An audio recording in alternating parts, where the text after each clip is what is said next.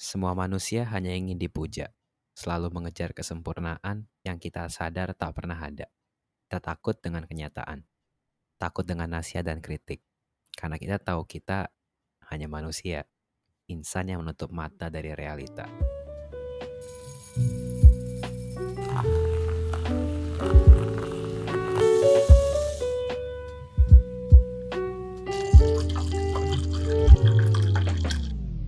Halo saudara-saudari, kembali lagi di episode ke-9 dari podcast Zona Inspirasi.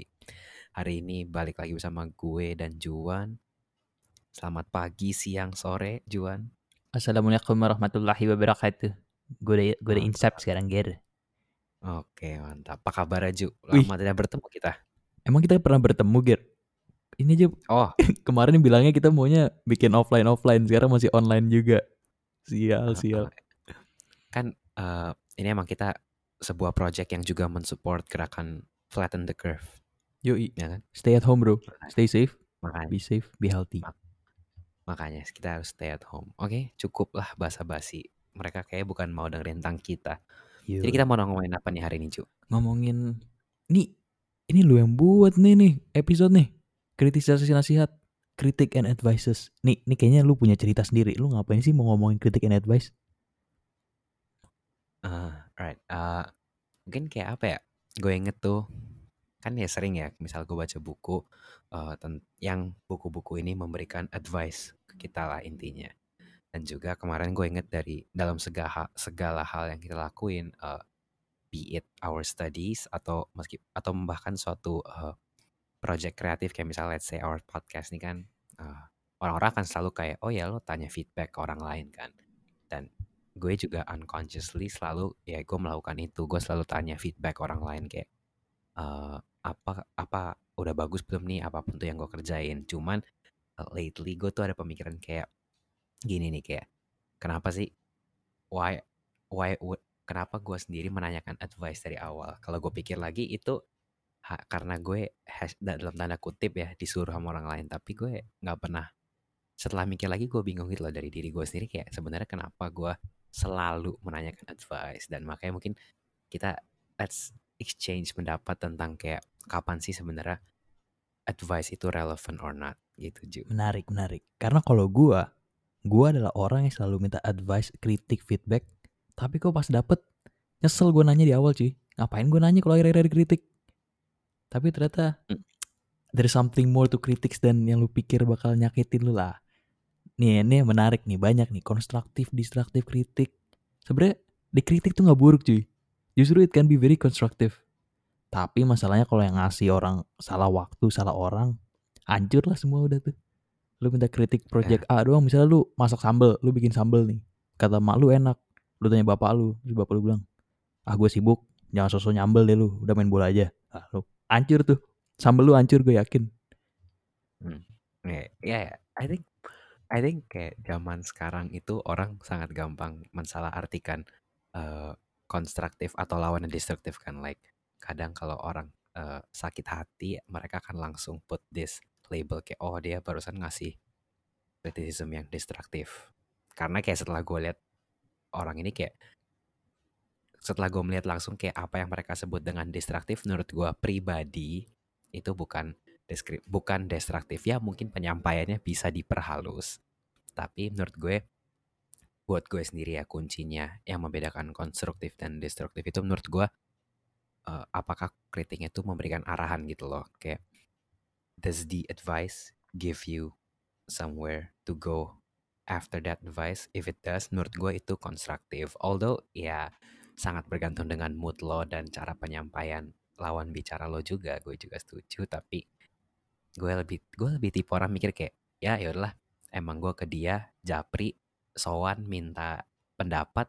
Kalau misalnya dia ancak-ancakin gue tapi dia ngasih gue eh, arah harus ke mana ya udah gue terima.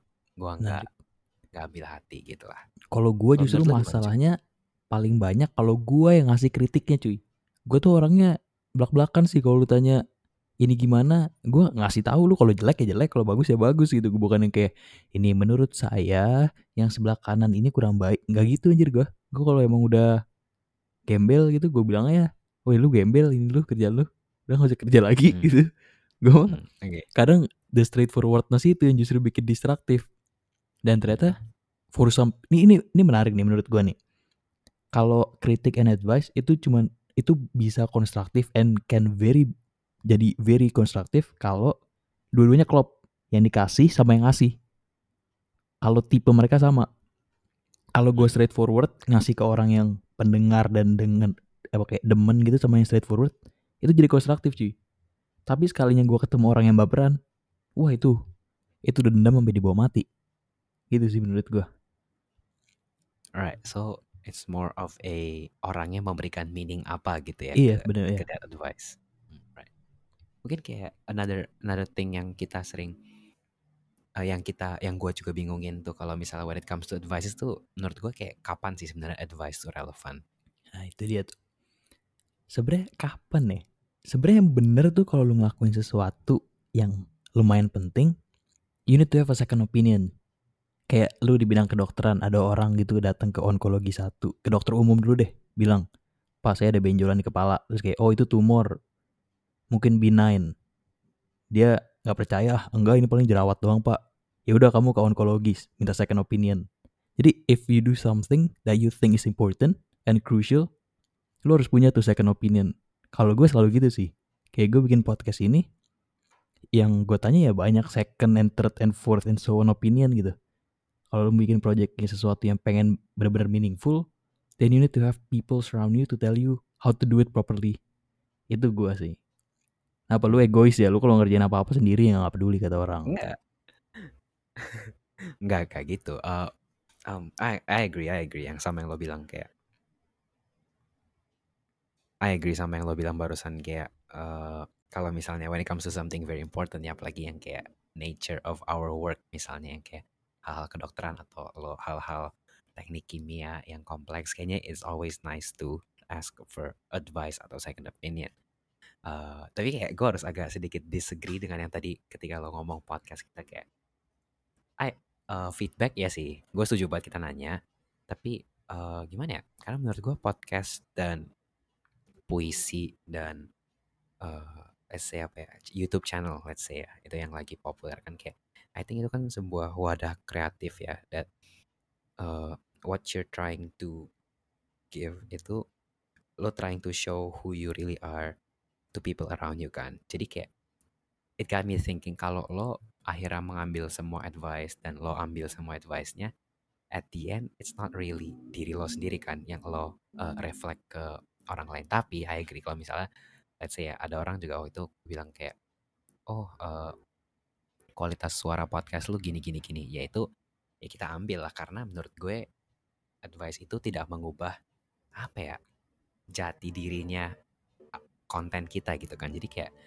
kalau kalau uh, advice yang diberikan stays on the more objective side I think like that's okay to take it. But kalau misal concerning uh, apa ya kontennya sendiri yang kayak oh, something yang lo pengen put forward to the world menurut gue you gotta stay true to yourself sih. Iya. that's what I gue feel punya apa ya idiom ini apa sih namanya? Gue bukan idiom sih. Eh kalau Leonardo da Vinci nanya ke Elvis Presley cara ngepaint Mona Lisa yang digambar Marilyn Monroe. Itu kalau lu ngambil semua advice tuh gitu tuh. Hmm. kurang lebih gitulah. Intinya Gary tuh gitu. Lu harus tahu Hmm. ya apa yang dikasih orang itu bakal useful buat lu apa enggak. Karena eh btw nih gue mau pamer ilmu. Anjir pamer ilmu. Gue mau berbagi ilmu. Di online class gue tentang apa sih tentang entrepreneurship gitulah ada this thing called aduh gue lupa namanya apa. Duh malu-maluin ilmu gue anyway ada this thing di dunia bisnis gitu ya.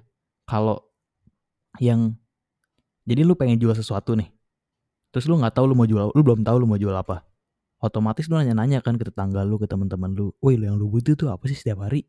Gue pengen dong jual biar banyak yang beli. Akhirnya ngasih tahu orang. Tapi justru yang paling laku adalah yang mereka nggak tahu mereka bakal beli background story-nya dulu HP nggak ada kamera terus ada orang pertama naruh kamera terus kayak buat apa lu naruh kamera di HP orang ada kamera kenapa lu nggak beli HP apa beli kamera untung double ternyata sekarang semua HP ada kameranya that apa sih a lack of knowledge in public juga yang justru bisa berbahaya when it comes to giving advices and critics sih. Itu one thing to note. Oke. Kalau kalau untuk give advice ya I would agree to some extent apalagi di bidang-bidang khusus ya kayak uh, di bidang-bidang kayak misalnya mungkin ya tadi lah our field of work I guess qualification itu cukup sangat dibutuhkan wajib sih untuk memberikan advice yang berbobot I feel like yeah I agree with you. Uh, that's why uh, I ketika gue nanya advice juga most of the time gimana ya? Uh, ya gue nanya ke dokter gitu kan misalnya uh, ke dosen lah pengajar untuk hal-hal yang gue tidak mengerti. Tapi there's this uh, interesting thing yang kayak uh, about qualification versus relevancy when it comes to asking opinion. Uh, dan ini tuh kayak ini gimana ya? Ini tuh suatu yang gue baca di buku terus gue ngalamin sendiri juga kayak adalah waktu itu kita tuh lagi belajar di modul about neuroscience. It- it's kind of hard it's very hard uh, dan gue nggak ngerti tentang suatu idea gitu kan. Uh, gue nanya ke di lecture at the time tapi setelah nanya pun gue juga masih nggak ngerti kayak even after it was a group discussion kan. Jadi kayak the, the talk was kind of intimate tapi I still don't get it. Uh, dan gue akhirnya mengiyakan aja karena gue takut uh, pace lecturernya off dengan pertanyaan gue kan. Jadi gue iya dok uh, mengerti padahal gue belum ngerti dan akhirnya uh, gue end up tanya ke uh, one of my seniors gitu kan yang udah mengerti lah topik itu dengan baik dan meskipun dia meng, ya dia akhirnya menjelaskan bukan dengan penjelasan dosen ya kayak he teaches us the way a student will teach other people. At the end the thing made more sense to me gitu loh. Makanya uh, even in an academic setting sometimes I feel like uh, relevancy would matter more than qualification in some cases menurut lo gimana? Benar benar benar. Ini tuh nih sepupu gua dia mau belajar tambah-tambahan. Nanya ke gua, di otak gua tuh tambah-tambahan udah jauh banget terus saya kayak udah nambahnya tuh 4 digit 4 digit padahal dia cuma mau nambah 5 sama 5 jadi 2 digit dia bingung. Ternyata emang kalau lu suruh profesor paling Peter Einstein suruh lu ngajarin anak tiga anak eh, itu umur 3 tahun tambah-tambahan dia nggak bakal bisa cuman guru TK sama guru SD kelas 1 yang bisa. Itu relevansi gitu. Hmm, jadi iya, iya. bener sih emang kayak kadang asking for advice ke orang yang paling qualified juga probably not the best thing. Gara-gara di sama kayak lu di lecture gue juga sering nanya terus kayak udah diliatin 100 orang kalau gue masih nggak ngerti masih nggak ngerti aja ntar gue malu. Iya iya aja lah ntar nanya orang yang lebih gampang lagi dia mengerti ya Mm, bener sih. Menurut gue emang kalau kalau lu susah nyerap mungkin relevansi jauh lebih penting daripada qualification. Mm, mm, mm, mm. eh gar-gar gue mau ngomong ngomong ini dong. To whom you seek advice kalau lu nggak di surround by a lot of people lu nggak di lu, lu kalau kuliah gitu jauh kayak gue gini kan. Nggak tahu sih mungkin lu merasakan hal hari-hari pertama lu di Depok. Lu nggak ada temen di sekitar lu. Mungkin keluarga lu masih agak deket cuman anggaplah keluarga lu agak jauh terus lu independent you need advice how do you seek for it Yeah, um, independent advice seeking. Tapi in in the context yang lo tanya nih, asking advice for things kayak apa? Short term things atau kayak long term things gitu? Like how do I plan out my life gitu? short term aja short term lu milih baju Oh, hitam mau putih gitu Oh, short term. So uh, Google, I would say Google short Tapi- term, right? yang gue sering lihat adalah lu baca buku self help books terus self improvement self help book tuh lu kenapa sih lu sakit jiwa eh sakit jiwa ekstrim banget lu depresi apa stres tapi gimana sih bacanya yang sedih-sedih mulu Ya, nah enggak, enggak sedih. Seriusan, enggak sedih, enggak. Um, berarti it's berarti it's like yang long term things ya. I would say uh, kenapa gue baca self help books? Ya karena uh, pada dasarnya I wanna find lesson gitu lah, something to keep for life. Karena kayak uh, gue rasa mereka mereka a good source of knowledge, a good source. Tapi but I feel uh, self help books tuh gimana ya? Kayak reading it itu not enough reading it, just reading it itu gak cukup banget lah untuk read doang. And menurut gue to maximize what you gain from a certain book itu lo butuh buat gue pribadi ya lo butuh some kind of concrete plan of action gitu. Lately ini juga gue baru terapin sekarang karena gue sadar nih misalnya dulu ya uh, gue sering baca buku sampai lumayan banyak terus gue lihat kerak buku gue gue reflect kayak oh oh ini gue dulu baca ini nih uh, three six months ago tapi setelah gue pikir kayak gue nggak inget isinya tentang apa gitu loh kayak uh, that's why I feel like there's a need for us to materialize yang kita baca. And it could be in any way kayaknya. Buat orang lain ada yang di note di nulis catatan taruh di journal whatever uh, floats your boat. Tapi uh, buat gue sendiri what work itu di highlight lah. Karena gue bacanya ebook kan jadi gue highlight. Dan kadang di akhir setiap bab itu kayak gue bikin satu paragraf lah. Menurut gue tentang kayak buku ini tuh tentang apa sih bab ini tentang apa so at at the end kayak I try to synthesize info dari yang gue pelajarin dan itu menurut gue uh, sebuah cara yang oke okay sih buat gue mengconcrete stuff yang untuk yang ingin gue pelajarin. So kalau lo gimana? Menarik menarik.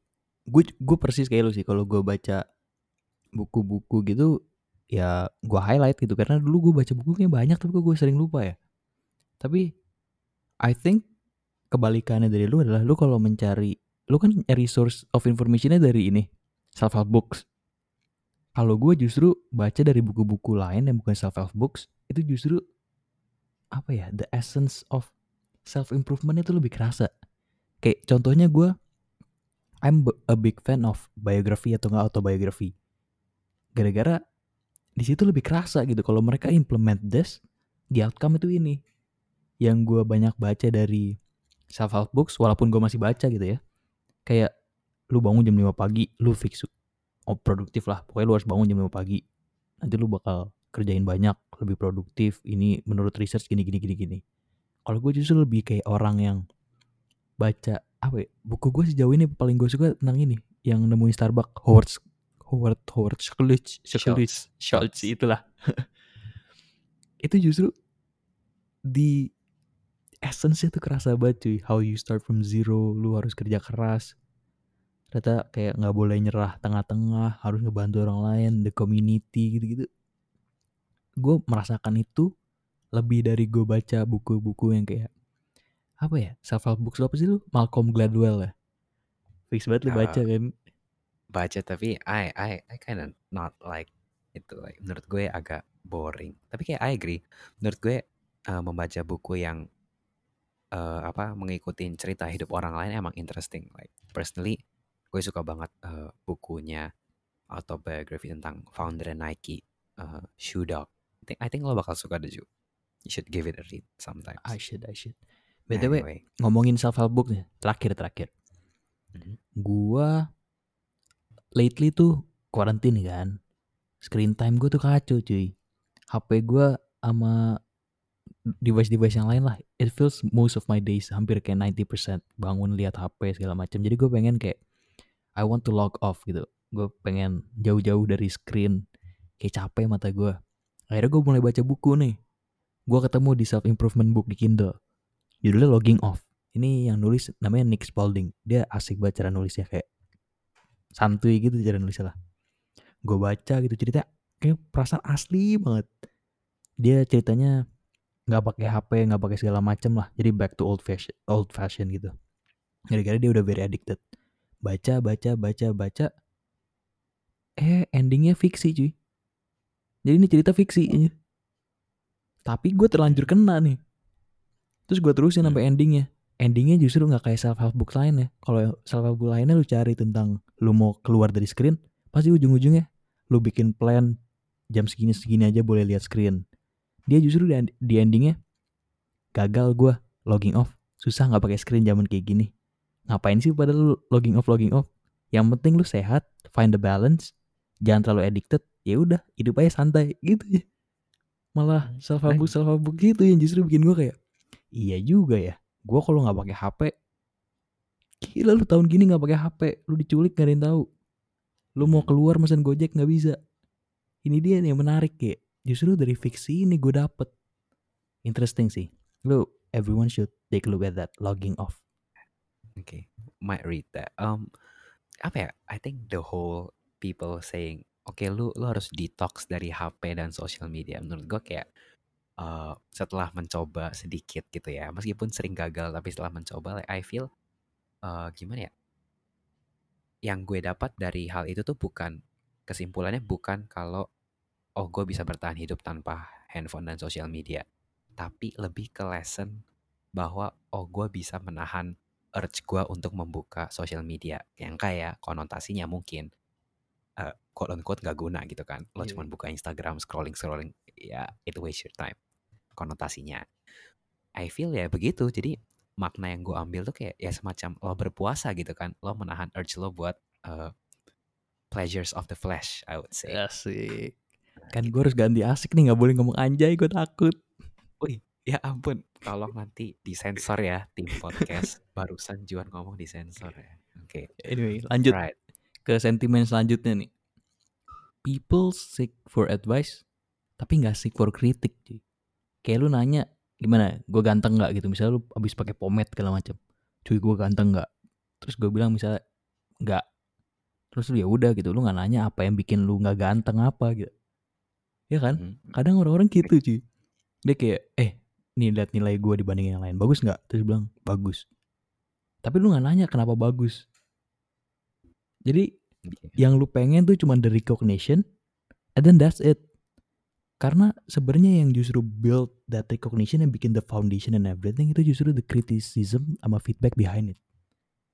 Ya kan? Wih, gue udah kayak ustadz nih anjir. Gue kayak rasa tahu banget tentang hidup Ya, gue juga agree sih. Gimana ya? Me- Menurut pendapat gue pribadi, sentimen itu sangat benar dan I personally feel it ya. Uh, dan I've, I've give it gave it some thought dan kadang gue pikir tuh kayak, oke, gue gini, misal gue nanya pendapat, gimana? Ini bagus atau enggak? Mereka akan jawab, ah kurang. Ini udah oke tapi bisa ditambahin kan. Nah, from that moment gue langsung mikir, otak gue langsung cek, aduh, males nih harus melakukan suatu like a project ini. I feel itu the stem of the problem. Itu yang kenapa sometimes we we may not even bother to ask feedbacknya kan, apa yang bisa kita improve. Hmm. Jadi rasa males sih kalau buat gue most of the time. But if it's something yang gue truly want to believe in kayak apa ya, let's say, oh liburan ini waktu itu gue ikut lomba uh, essay gitu ya, and karena gue merasa like you know what, I might have a good chance at this, I might give it a serious shot. Ya ketika nanya feed, ketika nanya opini, gue juga nggak lupa menanyakan feedback. And meskipun iya akan tetap sakit, tetap ada rasa malesnya. uh, tapi gue ya, gue gue bilang ke diri gue sendiri kayak right. uh, kalau gue uh, udah nanya feedback tapi nggak act on it, why even bother asking it in the first place? Gitu loh. Jadi if given feedback, gue act on it. Menurut lo bener. gimana Ju? Iya emang gitu sih gimana ya it's a bit a gray area gitu. Gara-gara banyak orang yang bilang kritik tuh very judgmental habis itu ada juga yang bilang kayak kritik itu 75 persennya pasti hujatan menjatuhkan discouraging apa-apalah segala macam sampai kayak keluar yang lagi hit sekarang nih yang UU ITE kayak it's a very gray area bro. Lu nggak tahu kapan lu menjatuhkan orang dengan sengaja atau enggak. Yang namanya juga sosial media gitu lu mungkin lu mengkritik untuk feedback mungkin lu emang menjatuhkan ah, it's it's very apa ya it's a very thin line gitu between right and wrong when it comes to kritik. Jadi duh gimana nggak nggak bisa diapa-apain sih tapi ya itu gua rasa lu harus menganggap kalau feedback kritik it's very apa ya, bayangin itu kayak beton deh yang menyatuin semua gitu. Jadi Mhm. kritik is very necessary bro jadi it it goes back to your mentality jadi lu harus punya the mental of apa ya, mental baja tuh dibuat setelah dikritik dan dijatuhkan berkali-kali gitu kalau you seek for perfection dan lu harus terima semua kritik itu Hmm. Agree, agree. habis Oh. itu apalagi ya nih Eh, ini mungkin banyak orang yang nanya when it comes to advice dan kritik gitu. How do you make the best out of it? Karena banyak yang kayak ya udah lu masuk kuping kiri keluar kuping kanan kadang masuk hidung juga. Habis itu how do you handle those? Apa ya? Advice maybe? And how do you create a concrete plan of action setelah dikasih advice itu gitu? Uh, okay, there's a thousand ways for everyone to do it. Uh, what works for me is that bukan cuman ini ya, bukan cuman abis feedback lo taruh di reminder to do list A B C D E. I think bener-bener itu nggak cukup nggak cukup di situ. I think harus mulai dari awal tadi sih yang gue cerita. Uh, personally, what works for me uh, yang membedakan ketika feedback really gue appreciate dan gue act on it dan feedback yang cuman keluar keluar kiri masuk kanan tuh niat niatnya gue kayak emang dari awal gue nyadarin kalau kayak oh nih gue satu uh, yang gue mintain feedback ini adalah sesuatu hal yang benar-benar matter to me sesuatu yang ingin gue uh, maksimalkan effort gue dan makanya kalau udah gue dapet feedback gue timbang-timbang kayak ya udahlah if gue nggak ada niatan untuk memperbagus nih dari awal ngapain gue nanya feedback? Tapi karena gue nanya feedback ya udah let's act on it gitu kan. Eh nah dari, dengan pemikiran itu barulah we go to the concrete side of things. That's where lo taro put things on your reminder to do list whatever works for you. Tapi ya menurut gue gitu sih. It starts with the mind. Menurut lo gimana? gue setuju banget sih. It, uh, it all starts with the mind. Kalau gue gue uh, pakai this apa ya psychological technical ya? Kalau lu pengen sesuatu lu imagine the outcome dulu di otak lu. Kayak misalnya gue mau tidur gue mau bangun pagi gitu jam 7 misalnya terus sebelum tidur gue imagine dulu gue bangun jam 7 jadi kayak stimulate your brain starts with the mind. Terus lu perkuat tuh pakai advice lu biar action lu justru makin konkret. Dan yang bikin action gue paling konkret di antara semua advice and, and kritik justru menurut gue nih ya the most constructing constructive thing that you can get is by learning dari kesalahan orang lain sih gara-gara gue tahu kalau lu misalnya lu pernah lompat dari jendela lantai tiga terus lu mati gitu. Nah itu pelajaran gue adalah jangan lompat dari jendela nanti gue juga mati. Of jadi gue nggak perlu coba lagi kan? Jadi kalau orang udah gagal ngelakuin halnya dengan cara itu ya jangan gue ulang lagi. Dan itu advice yang gak bakal ngejatuhin lu dan langsung serk dapet gitu. Coba kalau orang bilang eh Gary jangan lompat dari lantai tiga ya nanti sakit bohong lompat ah pasti lu gitu kalau dibilang kayak pelan-pelan tapi kalau udah lihat orang ngelakuin hal itu gagal jebret cet langsung kena di otak lu Hmm, melihat melihat outcome gitu ya realisasi iya realisasinya action. itu Oke oke. I think it it makes perfect sense. Very hard to argue kalau kita melihat dari kegagalan other people. For me, I think what's challenging for most of us itu making lessons out of kegagalan kita sendiri. Ya nggak Ju? iya I itu think itu kadang that's kadang where the challenge is. Mhm, benar-benar. And gimana personally have you had any thought on how it's best to learn from our own failures?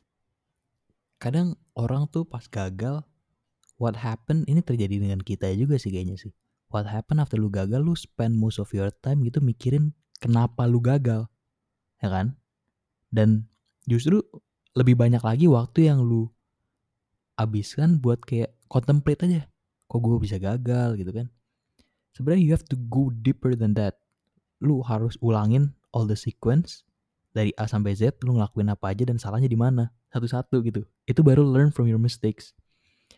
Apa ya terakhir gue learn from my mistakes ya? Masak. Masak cuy. Gue tuh ke London masak masak skill gue ya ya dikit di bawah Gordon Ramsay sih bisa masak Indomie sama mie go ya, Hmm. itulah Ya, anyway. Dikit, dikit banget. anyway belajar masak gitu. Gue gue pengen banget bikin nasi goreng kesukaan gue yang depan rumah di gerobak. Kok nggak bisa bisa ya? Gue mulai dengan pertama nih rasanya mecin doang cuy. Gue naruh mecin yang banyak biar enak karena udah nggak enak sama sekali. Rasanya mecin doang. Terus gue mikir lagi hmm mungkin nasinya kepanasan gue ulangin tuh stepnya tapi pakai nasi, nasi yang udah dinginin. Terus kayak hmm mungkin garamnya kebanyakan. Jadi lu harus sequence tuh lu ngelakuin apa aja dan lu benerin satu-satu. Nggak bisa yang kayak oh ujungnya mungkin eh ke kegosongan kali. Udah lu ngelakuin semuanya sama terus lu planin hitnya terus kayak udah mungkin bakal berhasil. Nah kemungkinan itu yang lu ambil itu resikonya tuh di situ. Jadi it's better for you to bener-bener contemplate kalau lu bikin salah, especially the big ones ya. Nah dari itu lu baru bener-bener belajar sih. Menurut gue itu. Mhm. Oh, wow. Gue wise man That banget. that is a very good analogy ya. Oke, eh, kita berharap analogi dari Juan barusan ya tentang memasak nasi goreng, kegagalan dia, bagaimana dia mengukur ratusan variabel dalam memasak nasi goreng to to make the perfect eh, nasi goreng.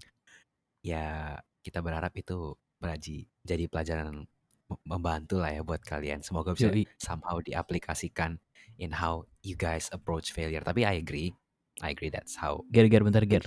Gue mau ngasih outcome-nya dulu.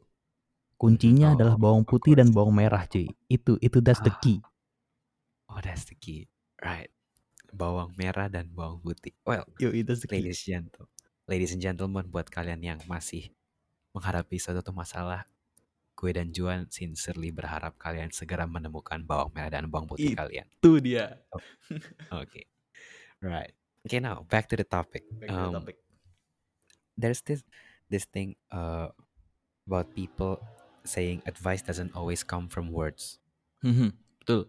uh, there's this saying that advice doesn't always come from words and one of it one of the example itu adalah tentang butter, butterfly effect di mana orang melihat the works of someone else and it's automatically a motivation. yoi. Menurut lo gimana? Butterfly Sebagai effect bentuk- tuh kan lu a small change leads to apa ya kayak a greater a bigger cost gitu kan. Jadi emang kalau gua sebelum gua memulai sesuatu harus ada something to look up to. Kalau kayak di organisasi mungkin people person lah gitu yang gua look up to. Itu lu jadi motivasi gitu jadi benchmark lu. Misalnya si A nih ketua PPI dunia gitu. Wah, gue pengen jadi ketua PPI dunia. Itu benchmark lu. Terus lu aim ke sana. Tapi ada lagi kebalikannya nih. Lu ngasih advice yang baik gimana? Kalau gue adalah orang yang menganut ju- juru kok jurusan sih. Menganut ilmu eh ilmu lagi. Ya itulah pokoknya. Kalau lu mau ngasih advice itu harus yang bisa diterapkan dan lu harus bisa menyaksikan itu. Jadi kalau lu misalnya ngasih advice how to make a proposal gitu deh yang simple. Lu harus bisa lihat mana hasilnya proposal dia, mana hasil dari perubahannya. Itu lu bisa saksikan apa enggak gitu. Kalau lu cuma lu bilang ini lu lu kapitalin aja semua biar bagus nilainya. Mana hasilnya gitu? Lu apakah lu pernah kapitalin itu semua? Apakah lu pernah dapat uh, the benefit of it? Kalau nggak pernah ya ya itu yang namanya destruktif atau kayak gray area advice gitu dan itu yang harus lu hindarin. Itu sih.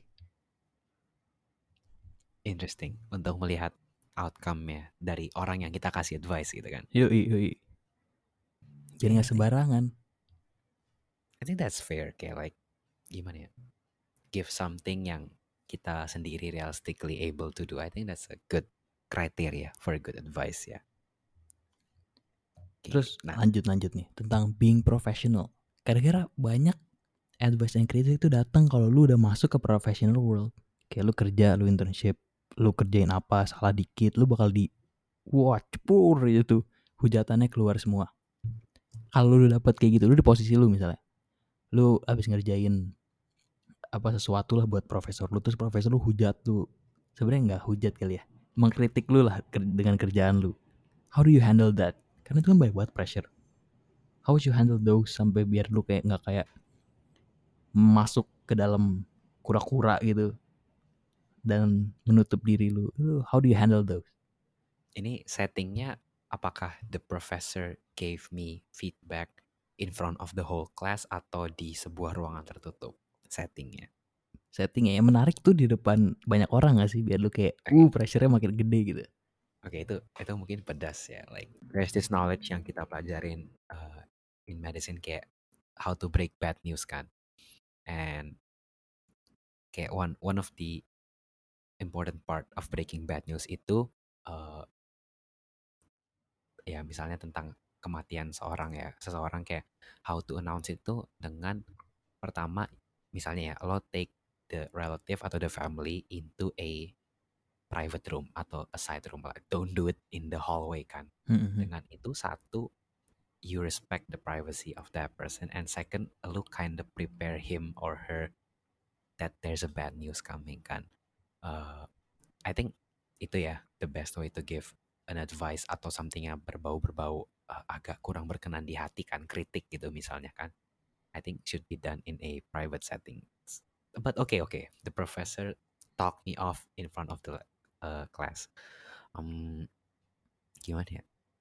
Menurut gue barusan gue baca gue pernah baca buku tentang ego is the enemy. Tapi itu pendekatannya sangat stoik sih kayak uh, tapi I find it true kayak kalau lo bisa menyadari bahwa oke okay, uh, pada saat itu juga ketika lo dimarah-marahin lah ya kasarnya diberi feedback dengan agresif uh, bagian dari diri lo yang merasa kayak gak terima atau marah atau kayak ini orang apaan sih? Begitu itu kan sebenarnya your ego kan. And in the long term uh, putting up your ego itu ya kind of a no good thing. What the book says kayak it's a no good thing karena uh, dia menghambat you to grow. Karena your ego is basically saying like I am enough. Padahal uh, ideally kita kan never enough kan. Kita selalu seek for room to grow. So uh, after reading that book I feel like punya kesadaran kalau ya sebagaimana buruk ditreat oleh orang lain cara kita react itu selalu somewhat related to our ego. Are we apakah kita cukup rela untuk let it slide dan ambil hikmahnya atau kita mau put up di stance bahwa wah dia nyerang gue gue nggak bisa berdiam diri. Menurut gue it comes down to that your choice. Gitu sih Ju. Menarik menarik. Benar sih kira-kira kalau ada orang yang kayak dikasih advice tajam itu ada yang mengurung diri, ada juga yang malah jadi impulsif. Tapi yang paling hebat adalah orang-orang yang menerima itu udah kayak oke, okay, that's one for you. Gue belajar dari lu, terima kasih, wassalam. itu sih Ya. orang-orang yang makanya banyak banget buku sekarang yang laku adalah yang don't give a mm, you know Hmm. Hmm. Uh, buku-buku itu yang laku gara-gara itu justru that mindset itu yang berguna di saat hal-hal mendesak itu sih anyway Hmm, hmm, gue mau cerita nih gue pernah ada dalam posisi gitu di sebuah organisasi di mana gue harus ngasih kritik ke banyak orang. Dan satu hal yang gue belajar yang kayak lu bilang tadi tentang dokter giving bad news kalau lu kritik satu orang di depan o- banyak orang itu nggak bakal kerja sih gue pernah ngelakuin itu pertama kali karena gue bener-bener nggak tahu gitu. Gue ngelakuin itu besokannya dia langsung ngundurin diri. Dia nggak mau lagi ngebantuin gue karena emang emang it's really embarrassing dan very offensive buat ngelakuin itu depan banyak orang dan nggak ngumbar kesalahan dia gitu. Kesalahan is one of the aib jadi lu harus benar-benar talk to person to person dan cari tahu kenapa bisa kayak gitu. Dan lu harus cari tahu dulu orangnya. Kalau misalnya lu lu kan lu lagi sibuk organisasi nih kan gue cuma gabut gue cuma berbagi pengalaman aja gitu. Lu di posisi atas misalnya lu ketua something bawahan lu ada berapa ratus orang terus ada satu orang ngelakuin kesalahan lu harus cari tahu dulu itu orang cara nerima advice-nya gimana. Apakah dia orang yang harus lu ngomong pelan-pelan gitu baik-baik apa enggak? Atau dia orang yang kayak ya udah lu ngasih tahu gue I don't give up. Hmm. nah lu harus tahu itu orang yang gara-gara kalau lu ngomong orang baik-baik ke orang yang gak peduli batu cuy batu. Dia nggak bakal get the advice. Tapi kalau kebalikannya dia bakal pecah semua mindset semua kerja keras dia nggak bakal keluar lagi. Dia bakal nutup diri. Nah itu dia. Makanya lu harus cari tahu tentang orang kayak gitu sih menurut gue itu. Dan ada satu lagi yang menarik menurut gue adalah sekarang udah mulai berkurang sih. Tapi dulu superior superior gitu orang-orang yang lebih berilmu lebih tua dia nggak mau cari advice yang kritik dari yang lebih muda ya kan? Jadi kalau lu profesor dulu tuh orang-orang takut gitu kalau lu salah. Banyak banget kan profesor lagi nulis salah satu tambah satu sama dengan tiga gitu. Itu anak-anak yang nonton kayak aduh nih salah pak salah pak. Tapi lu takut ngomong gara-gara dia nggak bakal dengerin lu.